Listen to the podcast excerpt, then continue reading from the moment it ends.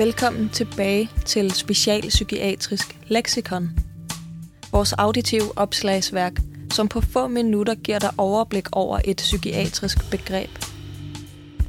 Det kan være et ord, der er blevet brugt i en episode, men som vi ikke havde tid til at uddybe. Det kan være en diagnose, som vi nævner i flæng, både i podcasten og i samfundet, og hvis betydning trænger til at blive genopfrisket. Eller det kan være noget tredje eller noget fjerde. Kort sagt, vi vil sørge for, at vigtige psykiatriske begreber er lette at forstå, og de på den måde til at bruge i dit daglige arbejde eller privatliv. Velkommen til det tredje opslag i Specialpsykiatrisk Lexikon. I dag slår vi op under begrebet eksternalisering. Eksternalisering er ikke alene blevet nævnt og meget kort forklaret i andre afsnit men dem, som kender begrebet, vil også have lagt mærke til, at der bliver praktiseret eksternalisering i hvert eneste afsnit. Eksternalisering er nemlig noget, vi gør med sproget, og så er det et af hovedbegreberne i den psykiatriske behandlingspædagogik, som Specialpsykiatrisk podcast udspringer af.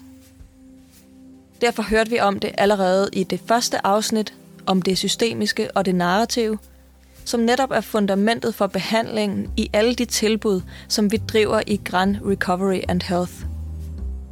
Fra botilbud og beskæftigelse over psykiatrisk hospital til kvindekrisecenter og herberg. Eksternalisering har sin berettigelse alle stederne, men ikke kun der. Så sandelig også i det levede liv uden for psykiatrien. Eksternalisering kan allerkortest forklares og forstås som det at adskille en person fra sine problemer. Eller sagt omvendt, eksternalisering er det ikke at lade for eksempel problemer eller sygdomme definere en person, deres personlighed, deres historie. Eller vores egen selvfølgelig. Det er altså en måde at tænke på, og fordi de to ting jo hænger uløseligt sammen, særligt en måde at tale på. Her rammer vi den underliggende forståelse for sprog, som det narrative abonnerer på. Nemlig det, at sproget ikke kun er noget, der neutralt afspejler eller beskriver vores virkelighed. Nej, sproget er aktivt med til at skabe vores virkelighed.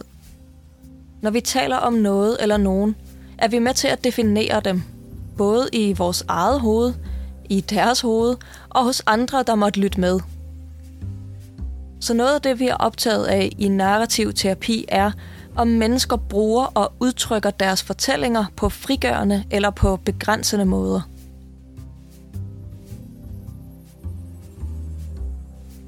Et eksempel. Hvis jeg taler og tænker om for eksempel en sygdom som noget, jeg er, det kunne lyde sådan her.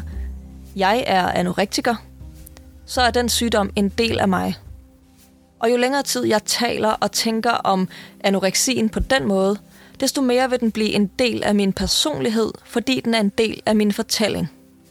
Hvis jeg omvendt siger, jeg er ramt af anoreksi, bliver sygdommen eller problemet sin egen. Den bliver noget eksternt, og jeg kan adskille mig selv fra den. Et eksempel, der er blevet brugt en del i offentligheden, er det brækkede ben – man ville aldrig sige, jeg er et brækket ben. Det er åbenlyst noget, der er sket for os, som skal have hjælp til at blive udbedret. Det vil ikke definere os. Det er ikke os. Det er en ulykke, der har ramt os. Tanken med eksternalisering er, at sådan skal vi også se på andre problemer, vi kommer ud for gennem livet.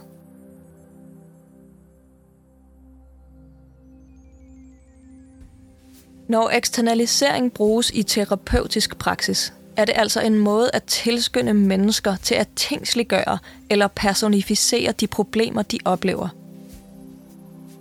Vi gør problemet til en selvstændig enhed, og dermed til noget eksternt for personen, der oplever problemet. Når problemet bliver noget, der er uden for personen, og ikke længere er en del af personen, bliver det muligt at vende og dreje problemet og se på det fra nye vinkler og i nye kontekster.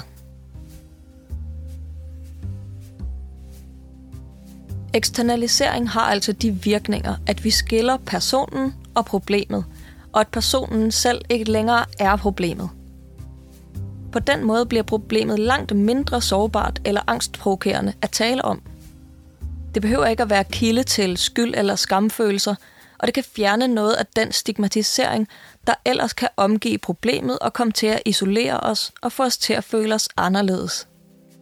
Så mister problemet grebet om personen. Det skaber nogle handlemuligheder, og det giver dem deres agenthed tilbage, som vi har hørt om i et andet leksikonopslag. Det gælder ved det brækkede ben, og det gælder ved øjensynligt udefra kommende problemer som stof- eller alkoholafhængighed, som det gælder ved tilsyneladende indefra kommende problemer som angst eller skizofreni. Vi er ingen af disse problemer. Problemet har ramt os, eller det fylder hos os, eller det kan få os til at gøre ting. Og det gælder faktisk også de helt dagligdags ting, som vi alle sammen kender til. Det kunne være trangen til sukker, eller dogenskab og overspringshandlinger. Der kan vi også bruge eksternalisering til at håndtere de udfordringer, de problemer giver os.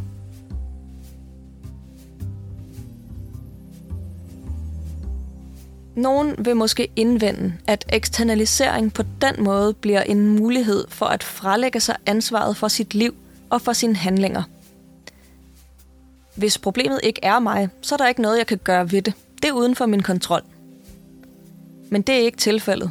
Det er snarere omvendt. Det bliver muligt at gøre noget andet, end vi plejer, og vi bliver i stand til at påtage os et ansvar for de problemer, vi står overfor, hvis vores egen identitet ikke er identisk med problemets identitet. For hvis jeg selv er problemet, er der ikke meget for mig at stille op andet end at blive selvdestruktiv. Men hvis jeg ikke er problemet, og problemet ikke er forankret i mig eller er en sandhed om mig og min natur, så har jeg mulighed for at omdefinere mit forhold til problemet og handle på en anden måde end tidligere. Hvis vi vender tilbage til eksemplet fra tidligere med anoreksi, kan vi nu gå et stik dybere. En beboer i et af Grandhøjens botilbud, hun hedder Tina, er netop ramt af spiseværing i form af anoreksi. I en samtale med sin kontaktperson, hvor der bevidst bliver talt eksternaliserende, får Tina navngivet problemet på en ny måde, der hjælper hende til at få det bedre. Tina fortæller, at der er mange, der kalder anoreksien for Anna, fordi man så kan tale om det uden at nævne ordet. Det er ikke direkte det, der er hensigten med eksternalisering. Så i stedet får Tina talt sig frem til, at anoreksien ikke kun er et problem, men faktisk også er hendes ven. Sådan er der mange, der er ramt af spiseværing, der kan have det. Tina vælger på den baggrund, at hendes problem og ven hedder Anastasia. Nu kan Tina fortælle, at hende og Anastasia har været venner i mere end 10 år. Tinas kontaktperson kan så spørge yderligere ind til venskabet, hvor godt de kender hinanden, og hvordan venskabet påvirker deres omgivelser og relationer. De taler om, hvad der måske er knap så rart ved venskabet, og om deres venskab kan bruges til noget positivt også. De taler om, hvordan der kan blive plads til både Tina og Anastasia i venskabet, og så kommer de ind på muligheden for, om venskabet kan komme op til revurdering og blive kigget lidt efter i sømmene.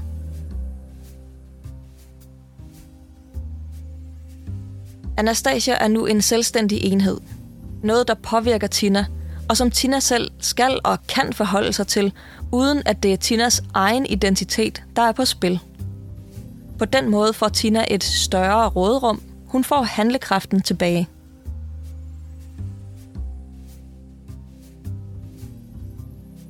Det er selvfølgelig langt mere kompliceret end som så, når vi har med alvorlige psykiatriske problemer at gøre, og et narrativt terapeutisk forløb stikker langt dybere, end der er redegjort for her – og som med alt andet, vi foretager os, gælder det også her, at det er hverdagen, der virker.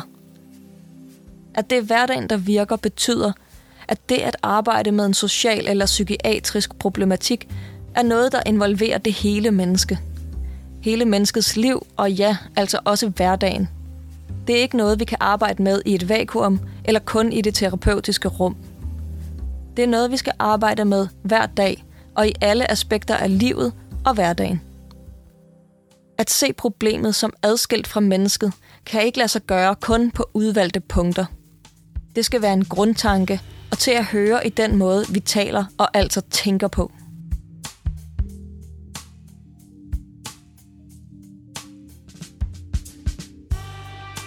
Det var alt, der stod under opslaget eksternalisering i denne podcast. Hvis du har lyst til selv at dykke længere ned, kan du for eksempel finde artikler eller bøger af Michael White eller Alice Morgan. Jeg håber, du fik ny input eller fik finpudset lidt fakta om begrebet. Jeg tager som altid gerne imod kommentarer og input på podcast rh.dk. Hvis du ikke har gjort det endnu, så husk at trykke abonner på Specialpsykiatrisk Podcast inde i din podcast-app, så du er sikker på at få besked, når vi udkommer med en ny episode. Inden vi går på juleferie, udkommer vi med en episode om Kvindekrisecenter, som desværre stadig har sin berettigelse her i det 21. århundrede. Og omkring højtider som for eksempel jul, oplever kvindekrisecentre verden over, at der er ekstra brug for dem. Det tager jeg en snak om med forstanderen på det kvindekrisecenter, som Grand Recovery and Health åbnede præcis samtidig med, at corona begyndte at brede sig. Jeg håber, du vil lytte med til den tid. Tak, fordi du lyttede med i dag.